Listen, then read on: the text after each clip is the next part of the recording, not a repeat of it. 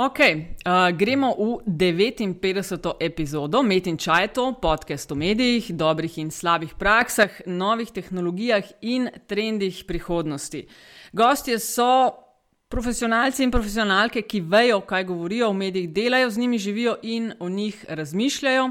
Gostitelja pa sva Nataša Briški, Metina Lista in Aljaš Pengov Bitens, Radio Chaos. Aljaš, živijo. Živijo, živijo.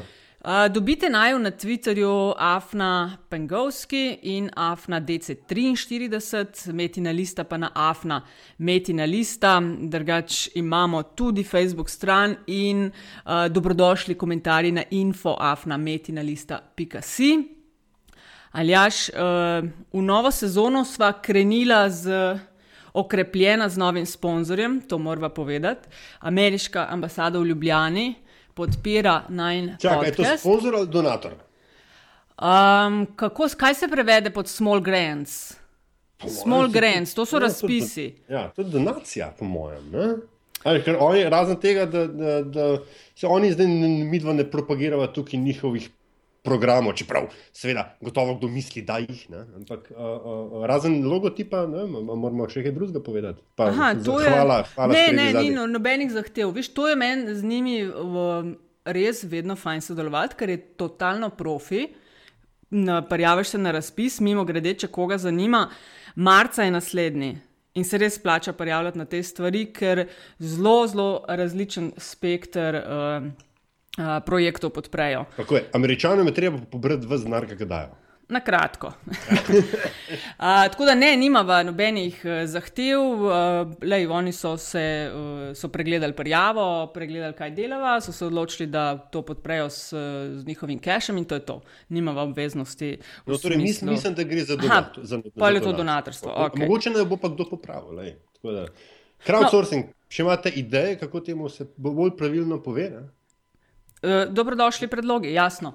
Um, Medtem, ko smo na zadnje govorili, se je, ali jaš, ne vem, če si že opazil, Metini listi pridružil še en podcast. Sem. Metamorfoza. Je. Jaz moram reči, izjemno, in, izjemno ime in izjemno logo.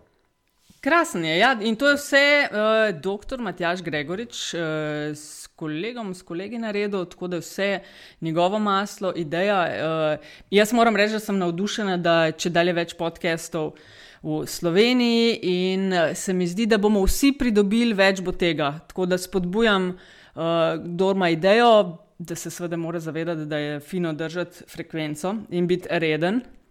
Mi dva smo letos, v letošnjo sezono, kar, kar orang štartala, veš, tedensko, mal, mal, če si opazil. Samo opazil, ja, malo smo, uh, tako hud tempo smo si zadali. Ja, hud tempo smo si zadavali. Več, več nas bo, prej bomo, prej bomo na cilju. Pa veliki ljudi, ki imajo res uh, fajn stvari za povedati in jaz se noro res veselim, da bova klepetala z Jrnejem Stritarjem, Jrne živijo. Živijo. So ustanovitelj studija za vizualne komunikacije Ilovar Stritar. A sem prav rekla? Tako, točno to. Zakaj si na drugem mestu? To, a je bila to bitka? Ja, to je bilo pogosto vprašanje, ne? ni bila bitka.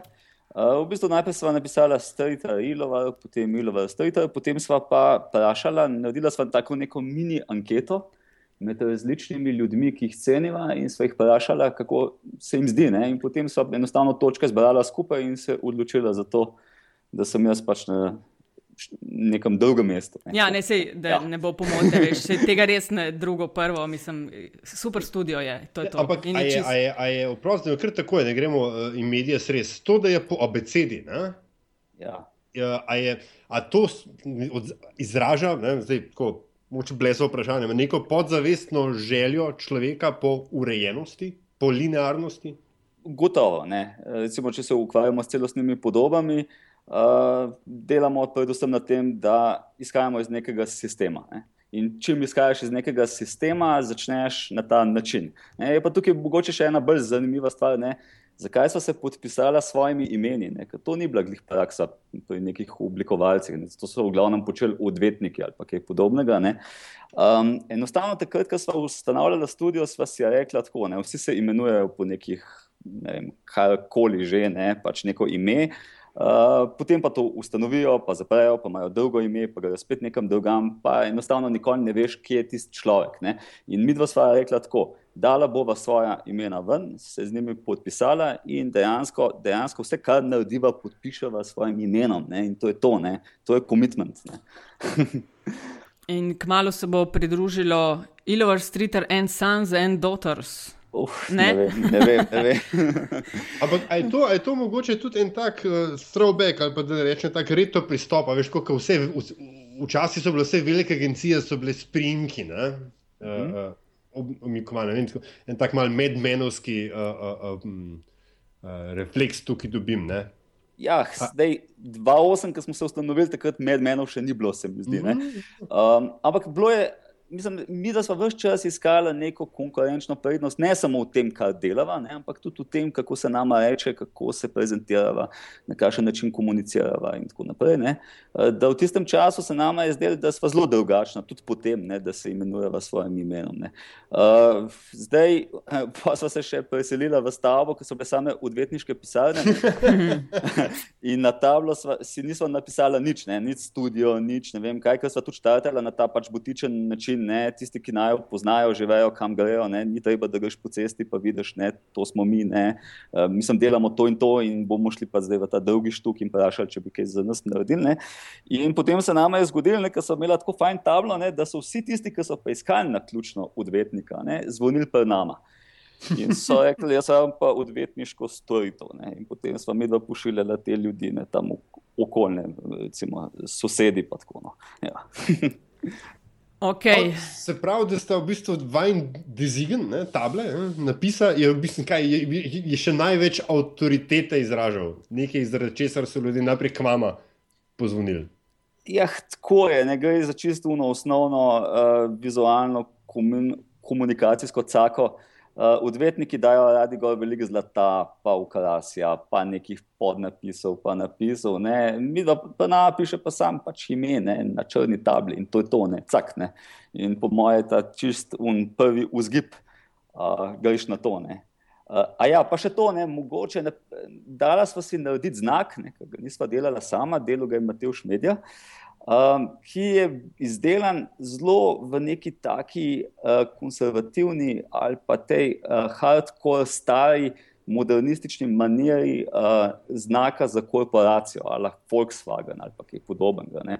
In po mojem, tudi to deluje. No? ok, se lotimo zdaj po tem ogrevanju.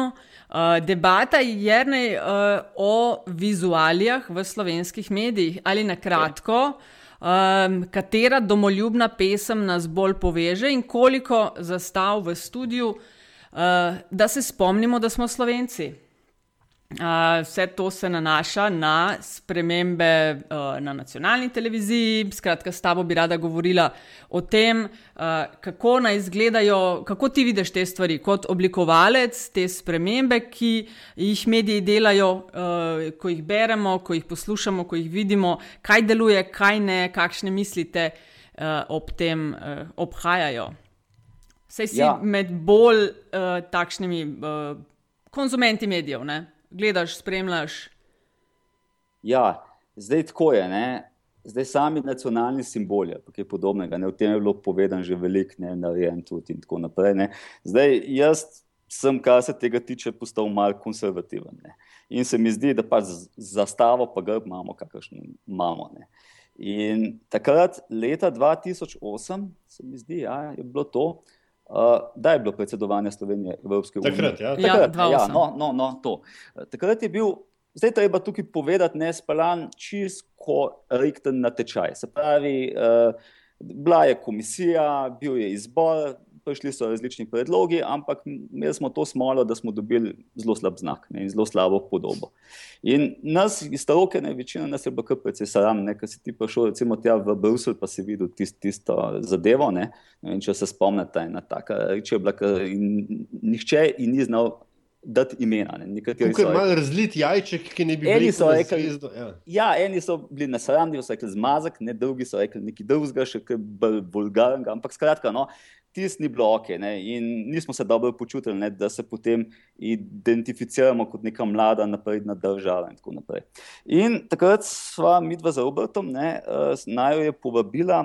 Fundacija Brman, da bi naredila neko pregledno razstavo, kakšni so simboli različnih držav, eh, ki mi hočemo biti podobni.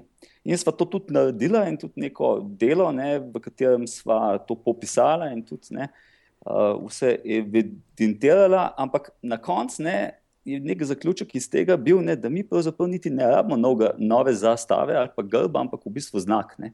In um, to je potem sprožil. Uh, to, da je takrat se zamenjala potem vlada ne, in je tudi, po mojem, iz nekih čist političnih razlogov, tudi ne, čist, uh, um, šla v to spremembo, ne, se pravi, spremembo znaka javne uprave. In takrat je bil razpisan natečaj, na katerem je zmagal Gigo Design. In smo dobili celostno podobo javne uprave. Tako da danes ne, lahko rečemo, da imamo še kar, kar, kar nekakšno, recimo, ok, podobo javne uprave. Uh, ampak dejansko do nekega znaka, ne, ki bi ga pa slovenci razumeli, um, tudi tako, da bi ga prenesli v gospodarstvo. Ne. Recimo, tako kot imajo švicari, imajo ti svoj križ, ne. oni ga imajo na zastavi, ga imajo posod. Ne. In takoj, ko vidiš ti križ, veš, da je to Švica. Ne. Do tega pa nekako nismo prišli ne? in se mi zdi, da tukaj zelo šepamo. Ne? In takrat je prišlo tudi do tega, ne, da ta znak bi lahko bil Triglo.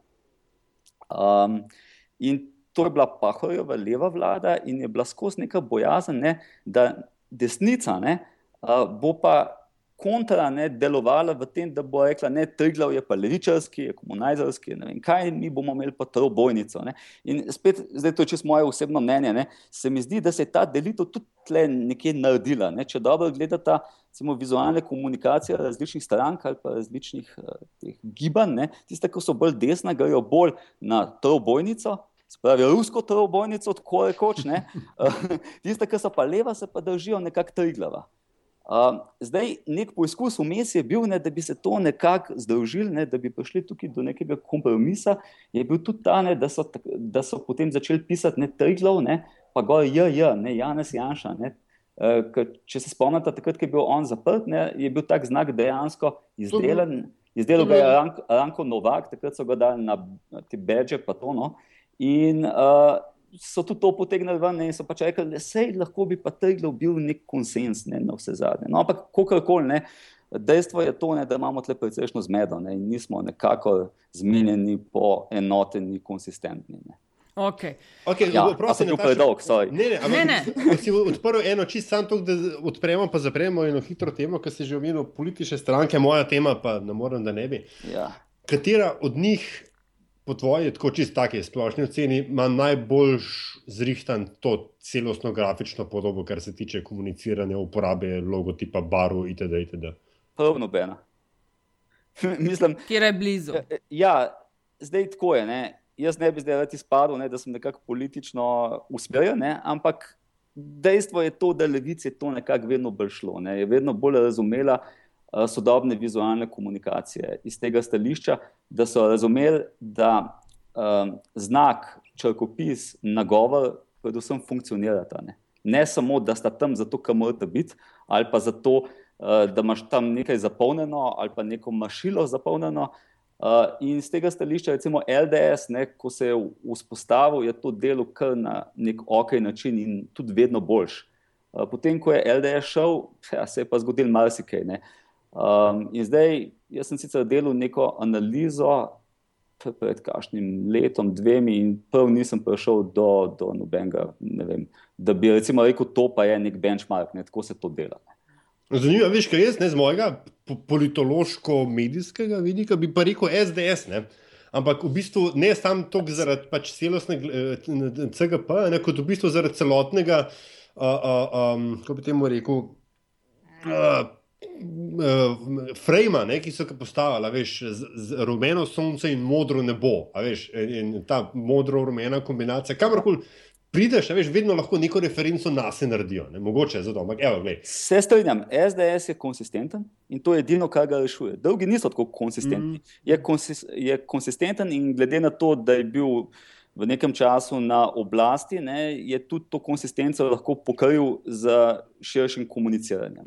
Se pravi, ne, s to enostavno kombinacijo, ki si jo opisal, ne, je pač dosegel neki impact. Ampak kar se tiče pa neke sodobnosti ali pa nekaj tega, kar bi mi želeli, da bi dizajn bil, da bi bil predvsem funkcionalen, da bi nam reševal težave, da bi nam uh, izboljševal življenje, ne, to pa nobena stranka še ni uspela narediti. Okay, Čakaj, sem, kaj si klele, kaj tukaj misliš, ko rečeš, da bi nam eh, dizajn, ki gre za vprašanje strank eh, in njihovih logotov, kaj pa lahko izboljša klele, zdaj seveda sprašujem kot. Recimo, A veš, kaj je drugače, če je ja. LDS je modro-zelena, SDS je rumeno-modra, unija rdeč, kaj to vpliva na izboljšanje? Ok, upravljamo s tem. Ne? Mi smo te barve, une barve, imamo okay. ta črkopis konec, potem gremo pa na level 2. Level 2 je pa recimo to, kaj se zgodi državljanu, ko dobi uh, tisto pošto iz davčne uprave in jo odpre. Ko jo odpreš in jo prebereš, vam je jasno. Meni je vedno manj. A čakaj, jaz mislim, da si pregovoril o strankah. Govorim, ampak kot to gre, ne? stranka da v program neko reč. Mm, Mi bomo mm. uredili to zadevo. Mi bomo transparentni. Recimo, britanski davkoplačevalec, eh, ko dobi uh, recimo, to, kar se pri nas reče dohodninska napoved. Ne, uh, to zgleda tako, da oni razdelijo v neke grafe, tudi dajo tam neko infografiko, kjer ti dejansko vidiš, koliko tvojega denarja je šlo za vojsko, je šlo za so, neko socialo, je šlo za kulturo. Skratka, oni rečejo, vzeli smo ti tok in tok, tok in tok je šlo za to pa to. Uh, skratka, trudimo se to in to, Skratka, ob, obvestijo te na podoben način, kot si jaz predstavljam, da recimo neka uprava podjetja obvesti svoje delničarje. Zelo prijazno, zelo transparentno. Mm. Okay, un, un, un graf, to je samo en primer. Ja. Un, un graf, ki ga dobimo zadaj na, na tisti plahti dohodninski, te nič ne pove. Brez, mislim, jaz enostavno uh, ja, se ne znajdem tam noter, pa nisem glih najbolj nepismen, kar se tiče branja nekih finančnih podatkov in tako naprej. Ne. Mhm.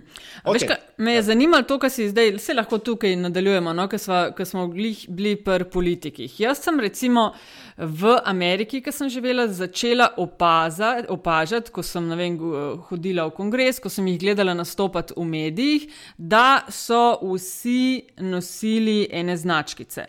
Največkrat so to bile ameriške zastave, včasih kakšne eh, značkice, ki so eh, nakazovali, iz katere države prihajajo, in tako naprej. In se nanaša na to, kar si omenil, da desni politiki v glavnem nosijo trobojnice, levi pa že kaj drugega.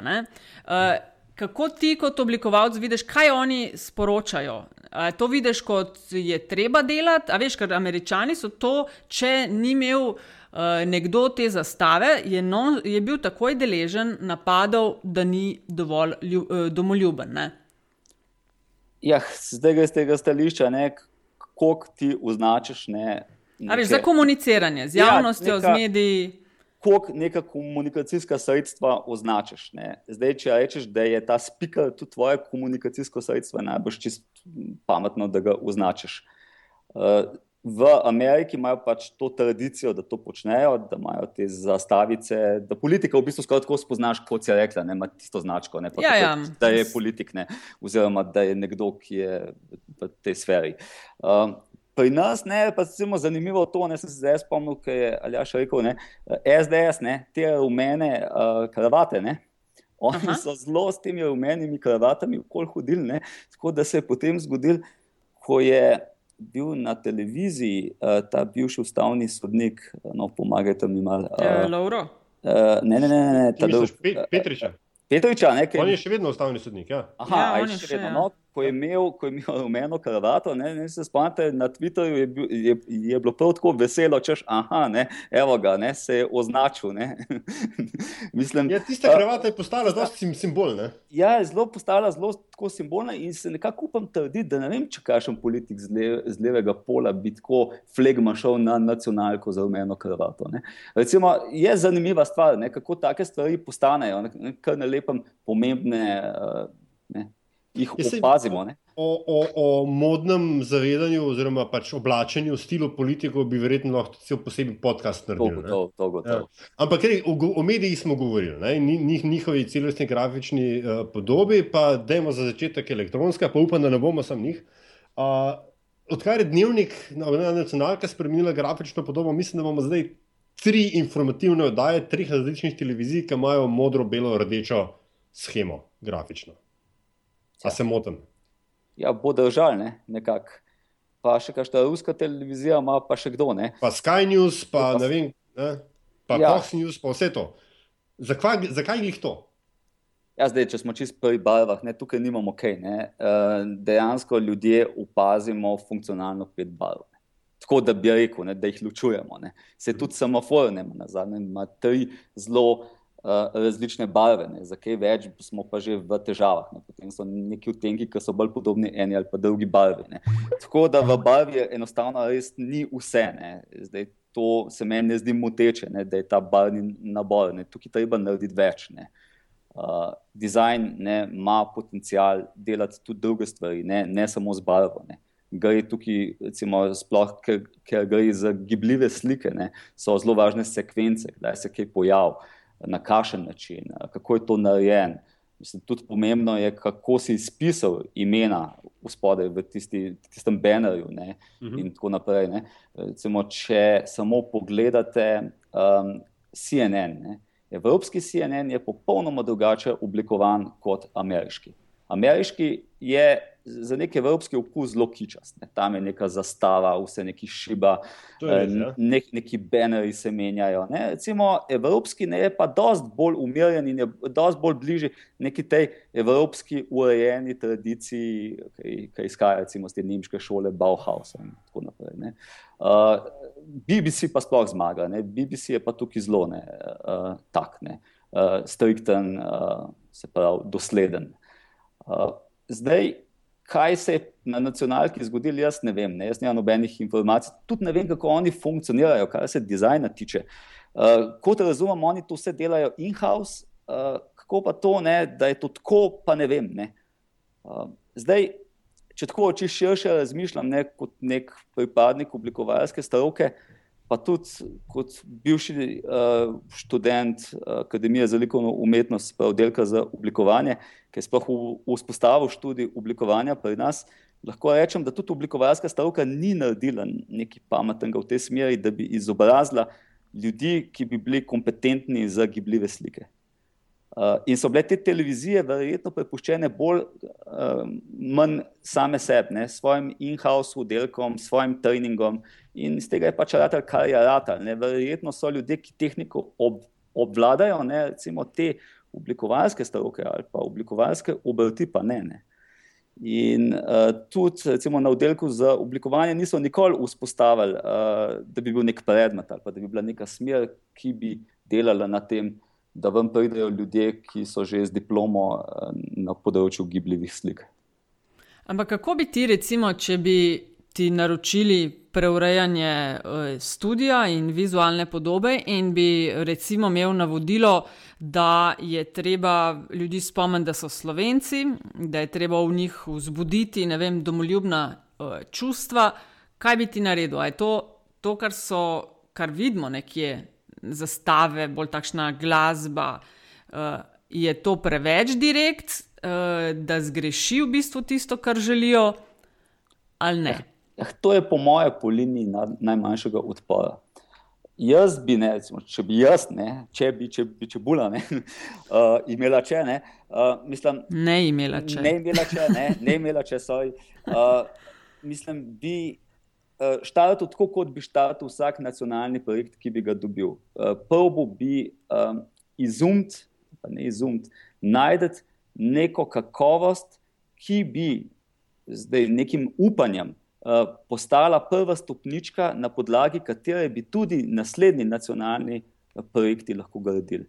To smo upali, da se bo zgodilo s to javno upravo. Da bo postavila ne, neka osnovna vizualna izhodišča, kaj pomeni slovensko v sodobnem oblikovanju in kako se to lahko potem nadgradi v televiziji, recimo tudi pri podjetjih slovenskih, eh, ki bi želela označiti, ne, da je njihovo blago slovensko. Skratka, ne, da bi tukaj vzpostavili nek osnovni standard. In tega nimamo. Tega nimamo. To, je, to, je, to se meni zdi glavni problem. Uh, Male tudi ta naša slovenska ne, skreganost. Uh, mi smo zelo dobri, ne, uh, zelo fajn multipraktiki smo slovenci in to recimo tujci cenijo. Uh, ker, recimo, če gremo v tujino, ne znamo marsikaj, kar drugi ne, ne. Ampak po drugi strani, pa smo sami taki multipraktiki, pa ne znamo narediti nekega širšega tima, ki bi zdržal. Ja, In, nismo specialisti, to misliš na posameznih področjih. Da znamo to. vse posod mal, ampak ne pa in depth. Tudi to. Ampak tudi ne znamo sestaviti nekega dolgoročnega tima, ki bi se zmenil in bil konsistenten in bi ustrajal na tem. Ne. Ker vsaka taka reforma je dolgotrajna. Hočeš reči, proste, da smo bolj kot one man band. Vsi. Vse je vrst. Ja. Vse vidi, vse, vse, mislim, znamo vse, pa, ne, pa zelo malo, uh, ki je zelo poseben. No. Mm. Tvoja karijera, uh, mislim, karijera, no, uh, je naj se začela v bistvu iz faksa, si že v bistvu kar uh, dobil eno naročilo in sicer prenovo gorenskega glasu. Ne? Ja, v bistvu je bilo tako, da moj profesor, mentor, je bil takrat likovni urednik dela. In delo je takrat delalo nek projekt, s katerim bi združili uh, lokalne časopise. Uh, se pravi, združili pa v tem smislu, da bi naredili nek brand, uh, kjer bi izdajali vsebine za lokalne časopise. Se pravi, lokalni časopisi bi del te svoje distribucije, tiska in podobnih reči, kot jaz razumem, to prenesli na delo. In potem bi delal skupaj z svojo distribucijsko službo, tiskom in podobnimi rečmi, tudi recimo, z novinarsko silo, uh, se pravi, delovno silo, um, pomagalo, ne, da bi te časopisi bili um, posod na enakem kakovostnem nivoju, glede na neko regijo. Ne. Zdaj ta ideja je čisto zanimiva, v bistvu, ne, če zdaj razmišljam, bi bil tudi lahko nek začetek, kako narediti širši nacionalni uh, videz časopisa. In takrat je mene moj mentor povabil, da bi jaz tukaj vzel za diplomsko nalogo ta projekt. In sem se ga lotil, potem je ta projekt propadel, ampak na gorenskem glasu so, so ga pa videli in so potem rekli, kaj pa če bi ti za nas oblikoval časopis, pravi, da bi prenovil njihov časopis. In potem sem jaz to vzel, in to se je potem leta 2004 zgodilo. Ampak je danes še vedno to? to še vedno. Še vedno. Ja, le, zdaj je tako, da danes gleda, kako izgleda. Ne. Niso ga kaj dosti prenovili, vmes pa bi ga, po mojem, mogli. Ne. Ampak leta 2004 se mi je pa zdel, da tiste pa kar bil ne, nek tak uh, skok, ne. zelo, zelo, zelo uh, ortodoksen. No, um, Jaz sem takrat tudi precej učitkov dobil strani stroke, ne, češ, da je to prelepo. Da, recimo, če pogledate iz leta 2004 ali pa 2003 uh, časopise, kakšen je bil delo, ali pa na vse zadnje benchmark vseh oblikovanih časopisov Guardian, ne, ki je danes nesporen benchmark za to, ne, uh, je takrat izgledal približno tako. Kot nekaj, po čemer se je delo zgledovalo, nekaj iz leta 80. Ne, ne. Um, in takrat sem jaz pač ugradil precej nekih teh vizualnih mehanizmov, ki so danes v časopisu čisto samo umevni. Ne? Takrat jih pa ni bilo. Kateri, precej, recimo, povej? Recimo, naslove smo drugače naredili, uvedli smo blazno veliko nekih rubrik, ki jih ni bilo. Prej, tipografsko smo prenovili, tako da so bili stolpci bolj brljivi, Eh, da smo dobili boljše izkoristke, da smo sodobno črkovno vrsto, ki je izboljšala branost. Na vse zadnje, meni so povedali, ne, takrat, da imajo um, tisk ne, prost, ne, da lahko stiskajo, se pravi, kako se spomnijo, ne, imajo nek pavšal. In sem takrat rekel, pa dajmo, pejmo v več prilog, in smo izdali potem tudi več prilog.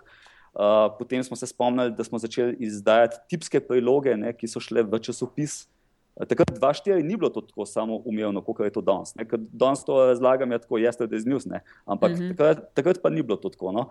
In so potem naredili prilogo za upokojence, prilogo za zdravje, prilogo za vse živo, prilogo za občine. No? In vsaka priloga je imela v bistvu svoj dizajn, ki je pa bil pod enotno celostno podobo uh, tega brenda. Uh, da, Jaz, Prosti, ampak, ja. Dve vprašanje mi zdaj, greš se po glavi. Eno, um, Pa bo, to o letih mogoče malo kasneje. Ne? Ampak, uh, ko praviš, da ste, se, da ste usp, tudi rubrike vzpostavljali, ki jih prej ni bilo, se pravi, oblikovanje časopisa, ne, oblikovno oblikovanje, ne, je v bistvu tudi vsebinsko. Če si se, če si se ti spomnil ali pa predlagal ne, nekaj rubrike, kar bodi si to bolj lifestyle, ne vem, GG-ja ne berem tako zelo, ne? Uh, ampak uh, kako recimo je, jaz razumem urednika, da reče, da okay, bo lepo gor dol, ne? ampak kako je pa recimo urednik ali pa urednica takrat, kako pa reagiral, reagirala na, na vsebinske predloge?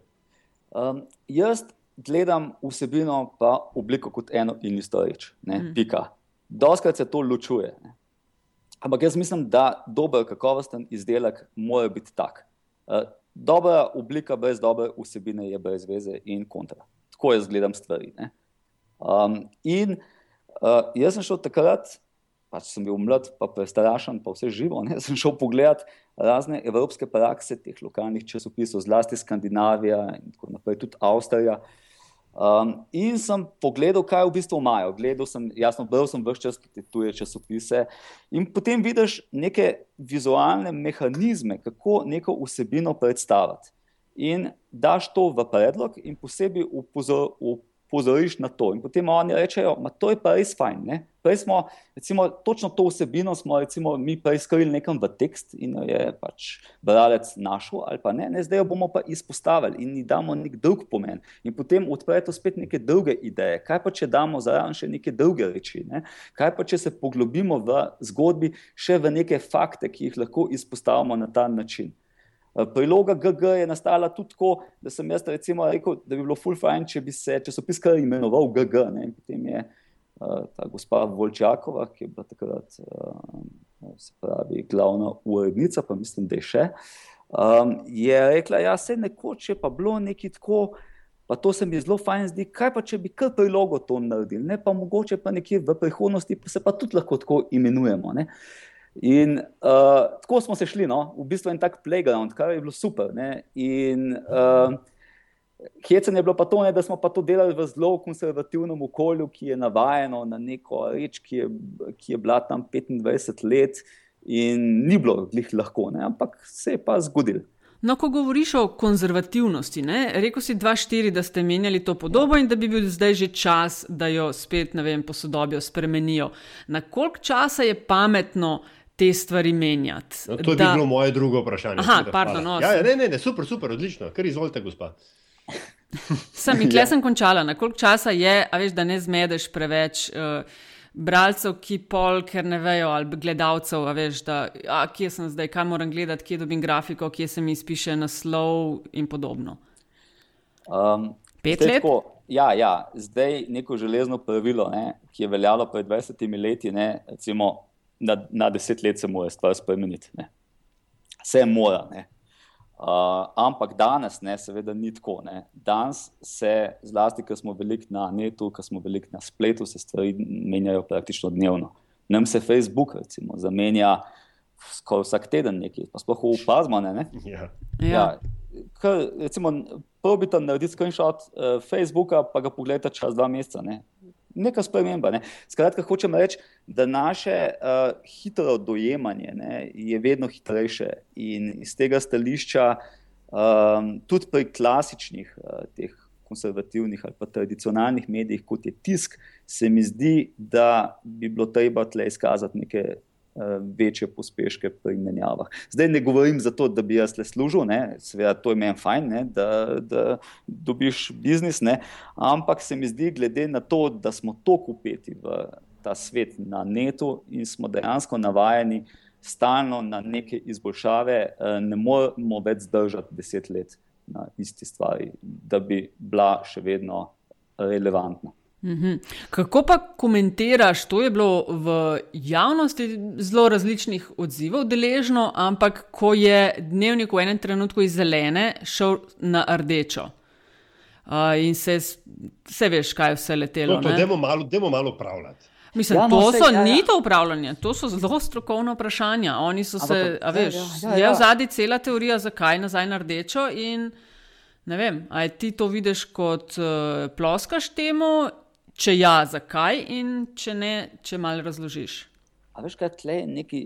Tle pri dizajnu ne, ali pa oblikovni prenovi medija ali pa česar koli se zgodi ena zelo zanimiva reč, ki še vedno mene preseneča, zelo mene, ki sem kot profesionalc pa to. Uh, če jaz vidim prenovo in sem bralec, jaz se bom najprej odzval z nelagodjem.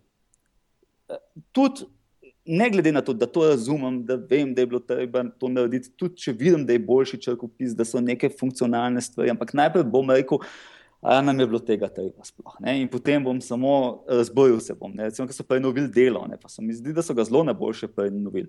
Um, zdaj, recimo, jaz stalni bralec dela, ne sem ga zdaj posvojil in tako tak mi je super. Ne? Zdaj, bog ne dej, da bi nekaj dodali.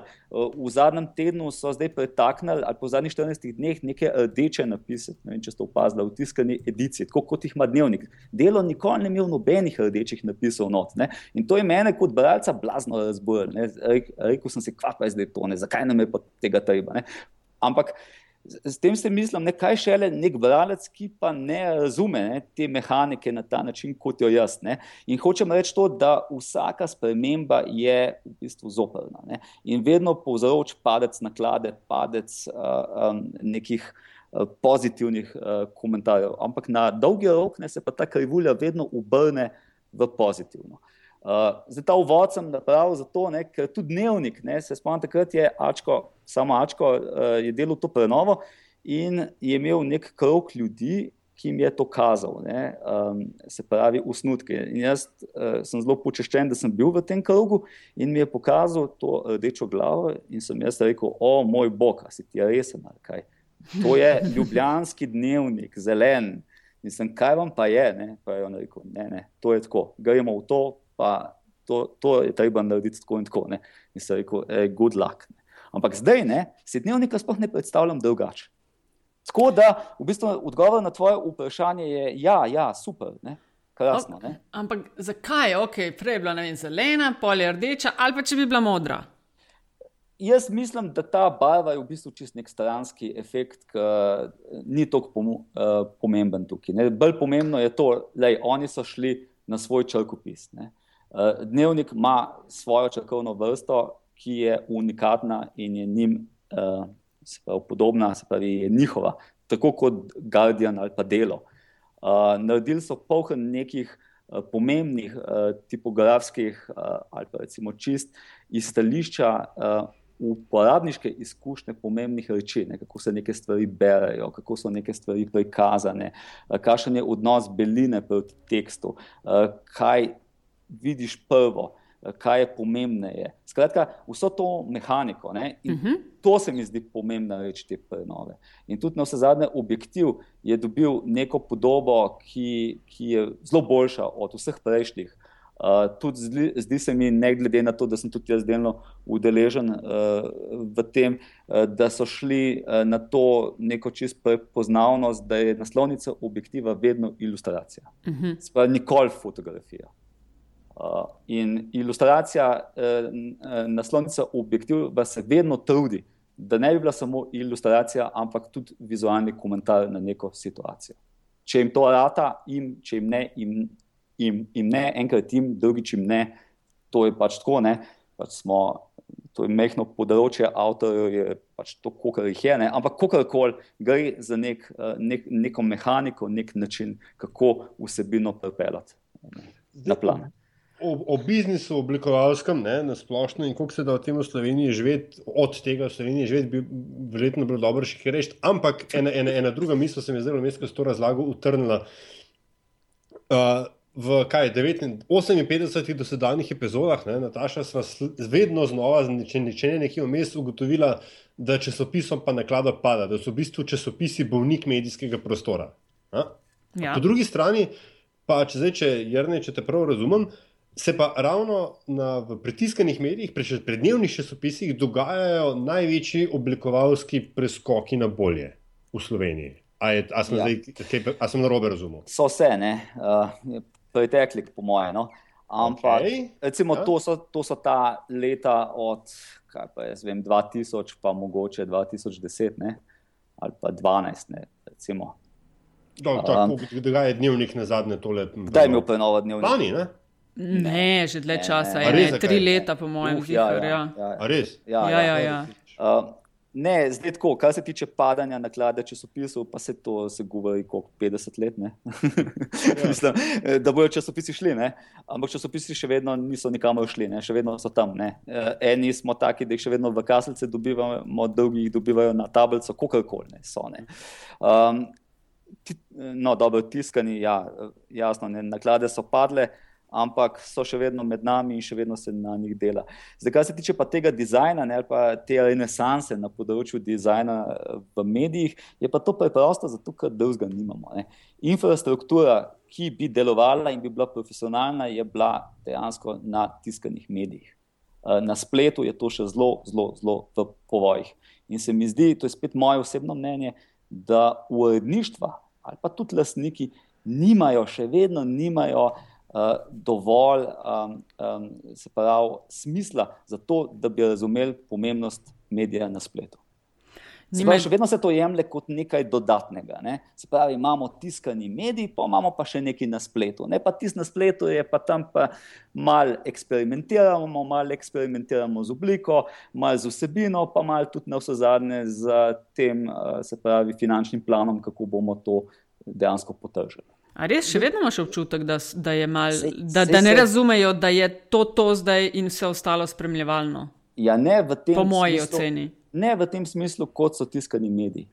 Veš, če si prišel v tiskani medij in si delal prenovo tiskanega medija, je bilo to čisto drugače, kot danes, če prideš, recimo, pa boš prenovil spletno stran. Uh mhm. -huh. Dan se, dan se uh, spletne strani so vedno prenovljali na ta način, da so rekli, da zdaj bomo pa spletno stran prenovili, pa bomo najprej uh, dali povpraševanja podjetjem, ki delajo spletne strani.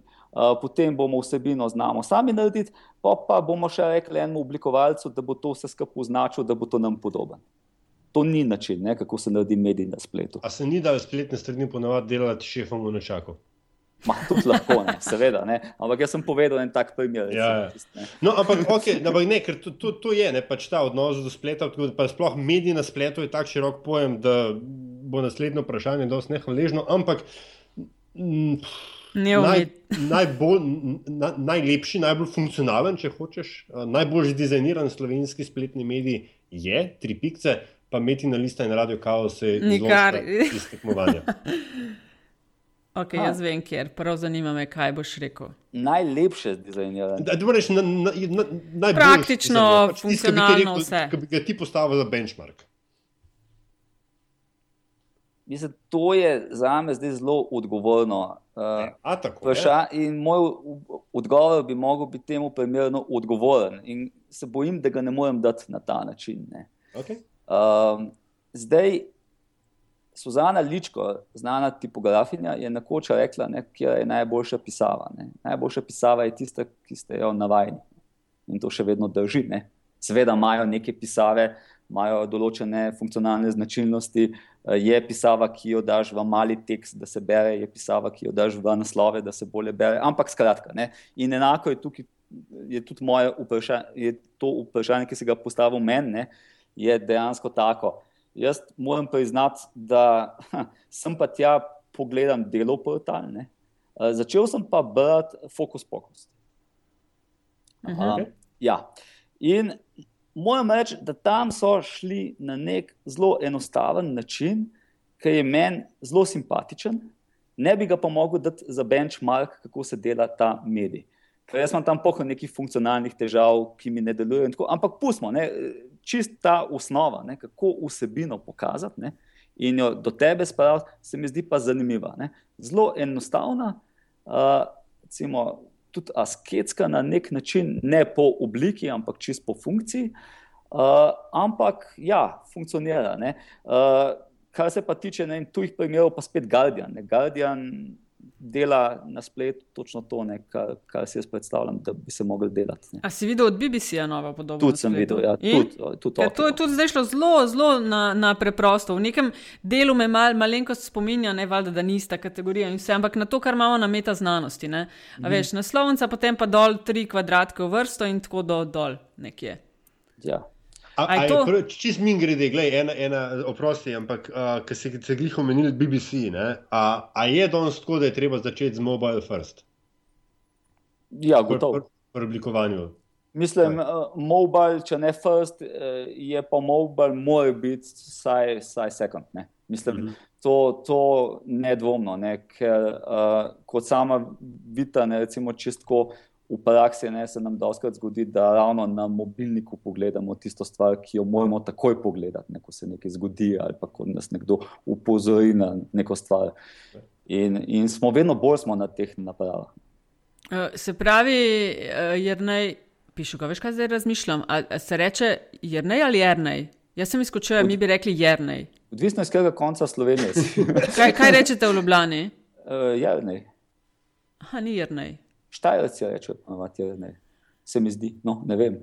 A, okay, dober, ampak, je pa, ampak je pa več zanimivo, je pa to, da me vsi starite v glavnem kličejo. Tako, tako, tako da ne slišim pogosto uh, svojega imena ne, od drugih. ok, povsem povedanem, uh, Jrnej, kdaj vemo, da prenova deluje? A je to pol, ki se nam povečajo, ali so to kolikšen odstotek prenove je v končnem produktu igral vlogo pri tem, koliko se produktu, ne vem, koliko se proda, oziroma drugače gleda, posluša, bere nekaj uh, en medij.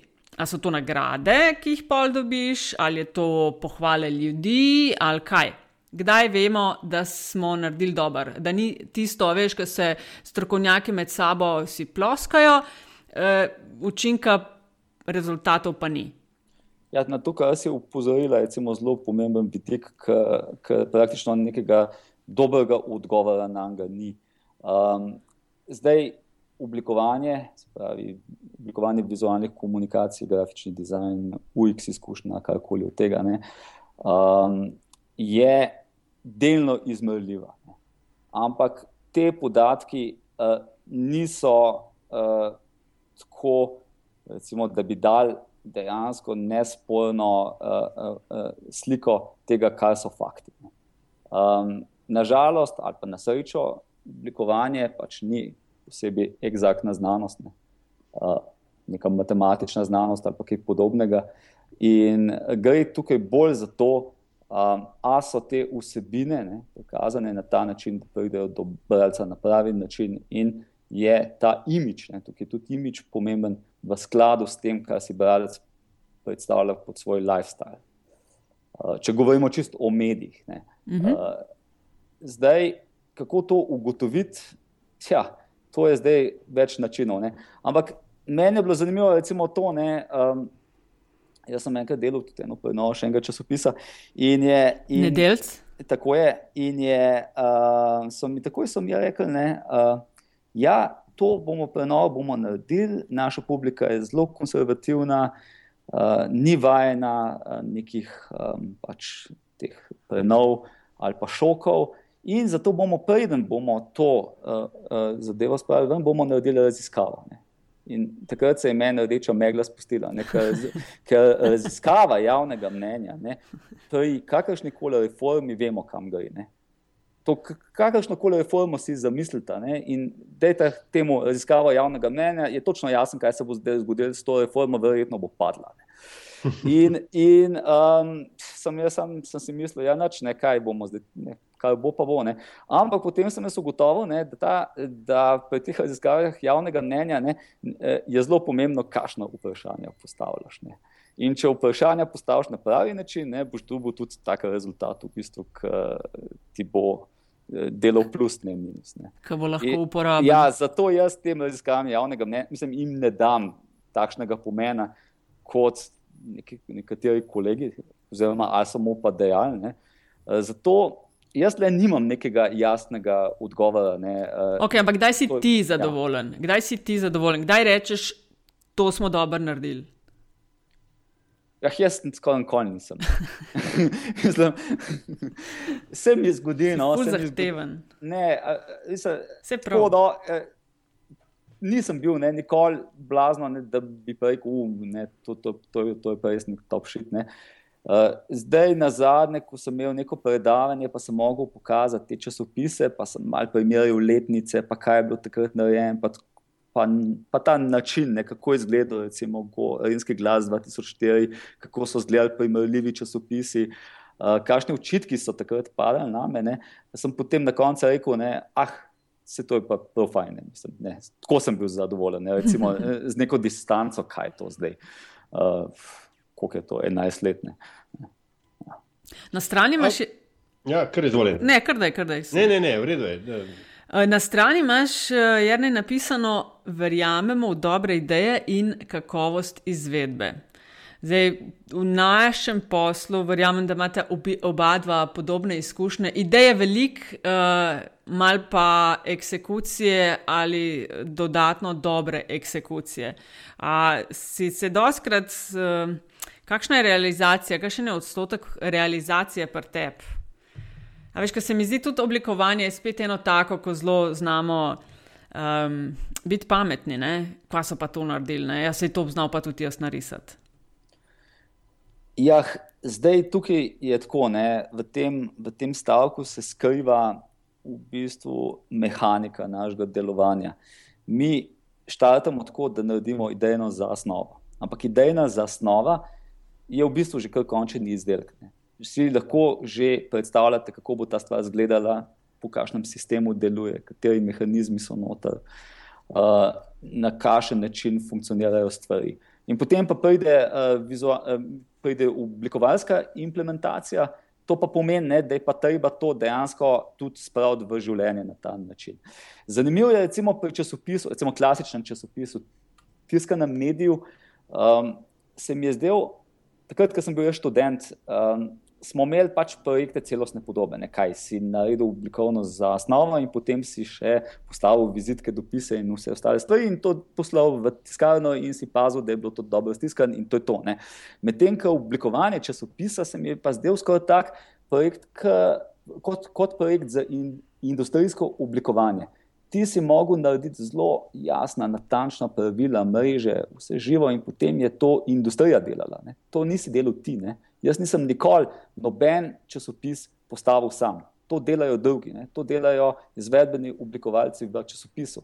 In zdaj, da pa oni delajo točno tako, kot smo si mi zamislili, ne, to je pa druga reč. Ne. Se pravi, hočemo reči, da časopis je bolj podoben industrijski produkciji, kjer naredimo prototip, pa prototip je super, ne, ampak potem je pa treba paziti v procesu, da so dejansko izdelki čim bolj podobni prototipu. Ja, ampak imaš doskrat ideje, pa pol začneš na njih malo bolj konkretno delati, pa odpadejo. Oh, ali, ali pa ti doskrat ljudje, uh, tako imaš veliko interakcije z ljudmi. Mislim, si pustiš, rekel si sicer, da te ankete, da ne daš veliko na njih, ampak uh, poslušaš uh, koga zunanjega ali uh, se recimo rajš držiš, oziroma pač ti je edino relevantno, kaj stroka pravi. Lej, tako, jaz uh, ne bom dal nobenega diplomatskega odgovora zdaj. Uh, sem zelo, zelo, zelo sem konservativen, kar se tega tiče. Jaz verjamem v to. Uh, design je vedno reforma uh, in reformo je treba speljati v nekem ožjem timu, ki ve, kaj dela. In ožji tim, vsak deležnik tega tima mora prevzeti odgovornost za svoje delo. Spravi, ne, če to vzpostavimo, ne rabimo glasu ljudstva, ne rabimo anket uh, med zaposlenimi. Skratka, hočem reči, uh, če imamo na eni strani menedžerja, ki ve, kaj bo naredil s svojim biznisom in dela z nami v timu, in mi pridemo do nekih rešitev, ki ne mu funkcionirajo in mu delajo, mora on tudi prevzeti odgovornost za to reformo. Recimo, ta gospa Volčakova je takrat, leta 2004, dejansko rekla: To je prihodnost tega časopisa jaz se po to podpišem. Če se bo to izkazalo, da to ni temu tako, bom jaz odstopila. Ne. Skratka, hočem reči, ne, da vsaka reforma terja neke takšne. Uh, pač, uh, da stojiš za njimi. Stvari, ja. Evo, gled, eno čisto praktično vprašanje. Uh, Zdaj le berem tvoj hiter intervju v, v, v delu, na delovi spletni strani. Uh, Skoraj leto dni bo tega, ne, ko si bil na Creative Mornings. Mhm. Ej, posod mi utripajo eni oglasi. Ja. In berem, nisem jaz kaj. Ne, vem, da nisem, ampak pač, ne, da, da, ne, da malo ne veš. Posod so neki oglasi, to je nekaj, nekaj, nekaj tega rich medija, da v bistvu moram full poskrolati, da pridem do, en kose, do enega kosa, enega teksta. Uh mhm. -huh uh, kaj, a, a, je to, a, a je ta, ta, ta, ta, ta večni dvoboj ne, med, med uh, oglasi na spletu, ki potem ti lahko, imaš tudi zelo lepo, zelo dobro dizajnirano spletno stran, na kateri pol fašeš oglas za Joške od Angelina Jolie. Ne, uh, Ali lahko, ali, uh, uh, kaj z oglasi gor narediti, veš, in ti pol pač, vem, ti en tak oglas vizualno nič stran. Kaj je sploh, uh, imajo sploh svoje mesto, kako to dilemo oglaševanje prihodki vsebina gor dol rešiti, na kaj je treba. In pa za, za konec, no, uh, um, mislim, ja, ja. zadnje, zadnje vprašanje v tem delu, da bo mogoče prosto, pa feel free to say no, če si nek, nekdo loti ne, ne, neko, nek blog, osebno spletno stran, whatever, da bi se nek, nekje postavil, na kaj mora recimo paziti, govorim za, zdaj, za fizičnega uporabnika, ne za nekoga, ki hoče medij postaviti. Ampak tako, če bi recimo ti rekel, da boš pa zdaj pa pisal o ne vem. Dizajnu, ne, obvisli, ampak z vidika informiranega uporabnika, na kaj bi ti pazil, ko bi tak svoj osebni peč postavil? Ok. A začnemo od Prosim, lepo, so fali ful preveč vprašanj, ste nabirali. Nabirali se je, nabirali se je v meni. Mislim tako, no, čist osebno, ne, privatno, jaz bi pogledal, kater blog ima neko dobro uh, strukturo, kar se tiče branja, kar se tiče informacij, uh, ki mi omogoča neke funkcionalnosti, ki bi jih jaz imel uh, in bi ga pač vzel in tam in bi tam pisal blog čisto enostavno. Ne. Uh, ne vem, meni je recimo všeč medium, ne. zdaj komu drugemu je kaj drugega všeč, pa se pač tega loti. Um, zdaj, kaj smo še rekli, oglasi. Ne. Oglasi so odvisni predvsem od finančne konstrukcije. Ne. Tukaj nimamo oblikovalci, kaj ne. Uh, Nimamo ne vem, kakšnega vpliva pri projektu. Ne. Nam pač rečejo, da imamo tako finančno konstrukcijo, ne delno jo bomo pokrili z oglasi, in oglasi pač tam so, in jih je treba integrirati na tak način, da čim manj motijo vsebino. Uh, jaz sem kot neko zanimivost pri časopisu dal dvojno črto ne, med oglas in vsebino, ne, se pravi, kot dvojna črta na avtocesti, ne, mislim, ali pa cesti. Ne, se pravi, tle smo mi tam, tam, tam ste vi, ne, če se ne gre. Uh, ampak, kako koli. To je, to je bolj tako, pač zabavna zanimivost. Um, ja, uh, je pa spet tako, ne, zdaj ta vizualna mašila ali pa ta vizualna polucija, ne, preveč je, ne, preveč je plakatov, preveč je jumbo plakatov po cesti, preveč je teh banerjev. In ljudje smo postali zelo neobčutljivi na to. Ne. In tudi ljudje, ki se s tem ukvarjajo, opažajo, da to preprosto ne funkcionira več. Ne. Tega bo, po mojem, vedno manj. Uh, To je pač moje mnenje. Uh, in tudi uglaševanje samo po sebi na ta način ni več tok. Tista prva stvar, tudi pri medijih, uh, na katerega bi, bi, bi, bi res pazil. Uh, ker se mi zdi, da prihodki iz oglaševanja so se precej zmanjšali in so tudi mediji se potem prilagodili na ta način, da ne pazijo več. A bo recimo nad glavo časopisa Banner, ne, na katerem bo salama. Ne. To, to, ja, to je tak, recimo, zelo značilen slovenski primer, ki smo ga hoteli vsi odpraviti. Uh, vsi, ki smo prenašali slovenske časopise. Ne. Vedno uh, je ta oglaševalski oddelek, ki ponavadi v časopisih je bilo vedno tako, da oglaševalski oddelek je bila čist neka firma, ki bi lahko bila tudi nekje druge, pa se je pa čist drugače rekla, ker je vedno prišla s tisto rečjo in je rekla, mi smo to potržili in zdaj bo to šlo nad glavo časopisa in konc. Ali pa recimo tak primer je. Jaz ne vem, če imajo to še kje.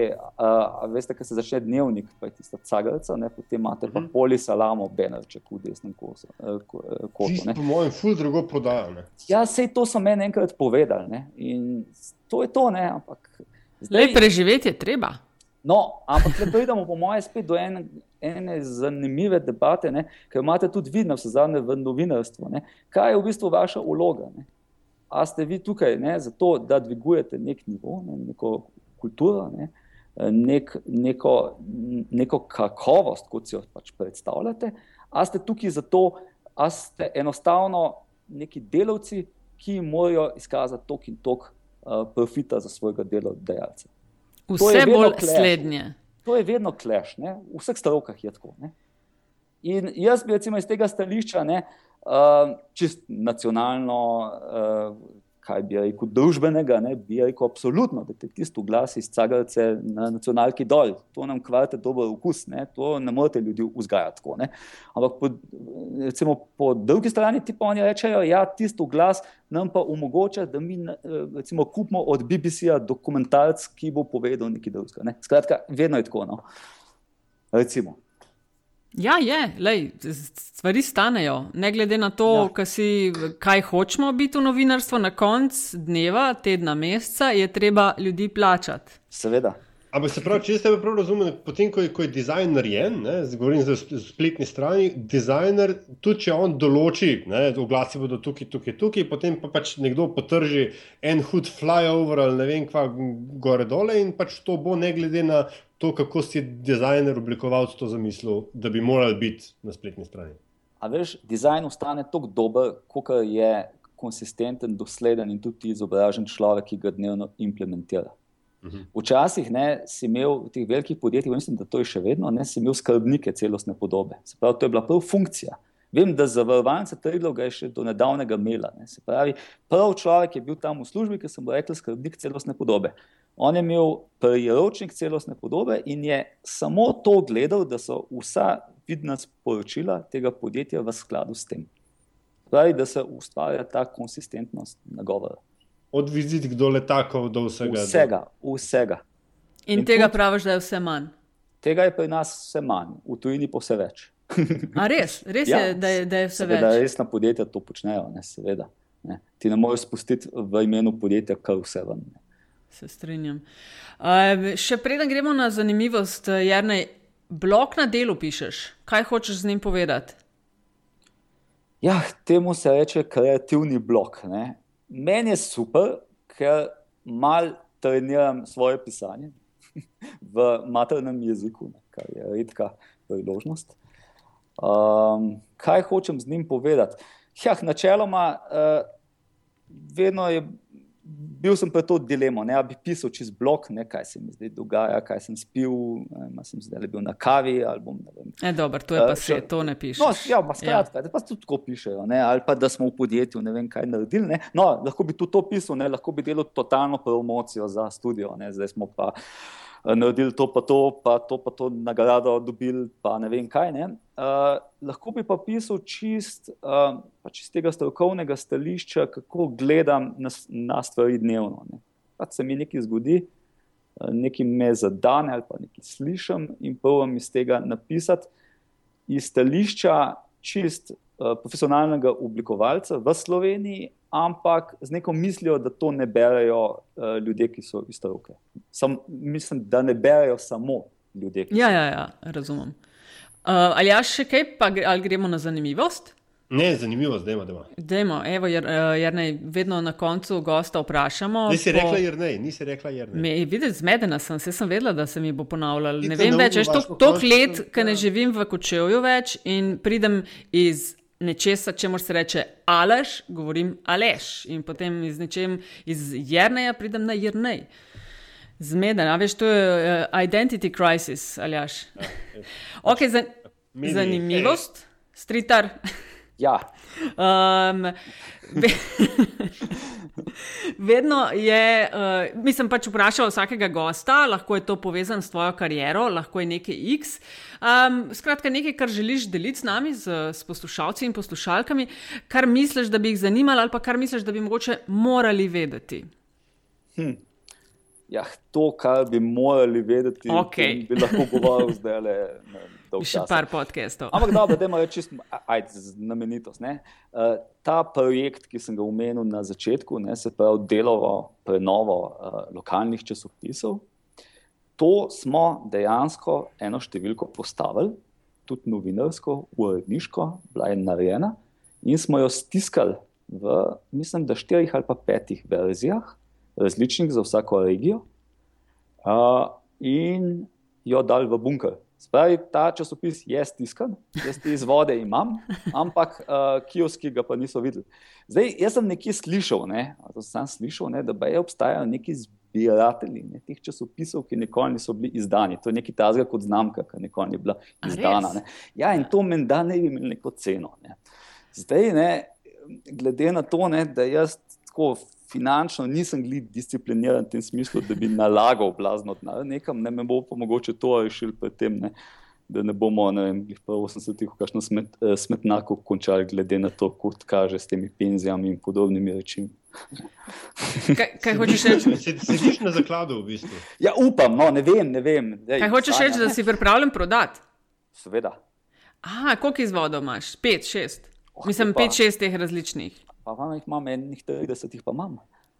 Ne, manj bi mogel reči, da bi to višal ceno. Jo, Ma ja, res je. ja, no, a veš, Hodre lej, za denar je še Zdaj zdaj, morajo, zdaj morajo večina zg- zgoreti v skrivnostnem požaru, a veš, in potem samo še štirje preživijo. Uh, ja, ne, ne, tam še podpisati, vidiš to. E, to vidiš, bravo. ja, sem, ki ste ustvarjali. Čeprav ta Tako. ideja se, men, bi, sem, bi se mi zdela zanimiva, da je en mušter za uh, pač en framework za lokalne časopise, kjer pa pač ustavljaš lokalno vsebino noter, ampak ima vse neko skupno podobo. In ja, valjda, te, ta največji mediji bi edino to lahko zares naredili. Ne? Vprašanje pa, koliko bi se splačali. Ja. Le bi bilo pa odgovorno, ne? ampak se veš, kje smo.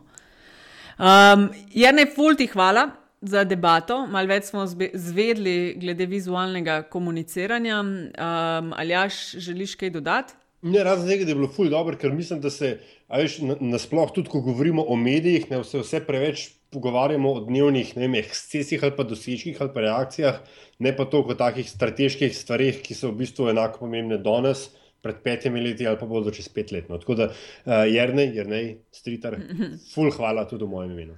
No, Uh, hvala kje se vama. te dobi? Na Twitterju si afna j, pod, ne kaj se reče, tisto počrtaj ali tisto. Ja, podčrtaj. Ja. Počrtaj stritar, ne? Tako. Spletna stran je www.ilovelstoiter.com še kje. Um, na delu pišeš blog pod rubrika. Kreativno, ne? Tako je. Ja. Še kje drugje se, se udejstvuješ, imaš kakšen page na, na Facebooku. ja, Facebook imam tudi, ja, je ne stoiter, pa, pa, pa se pa že konča počasi. Vse to je že kar v redu. To je že kar ne. Ja, To je je. že kar v redu, ja. Uh, ok, hvala, midva sva pa na Afna Pengovski, Afna DC43 in Afna Metina lista, pa uh, e-mail info afna metina lista.si. Hvala za podporo in uh, naslišanje do naslednjič. Majte se lepo, čau.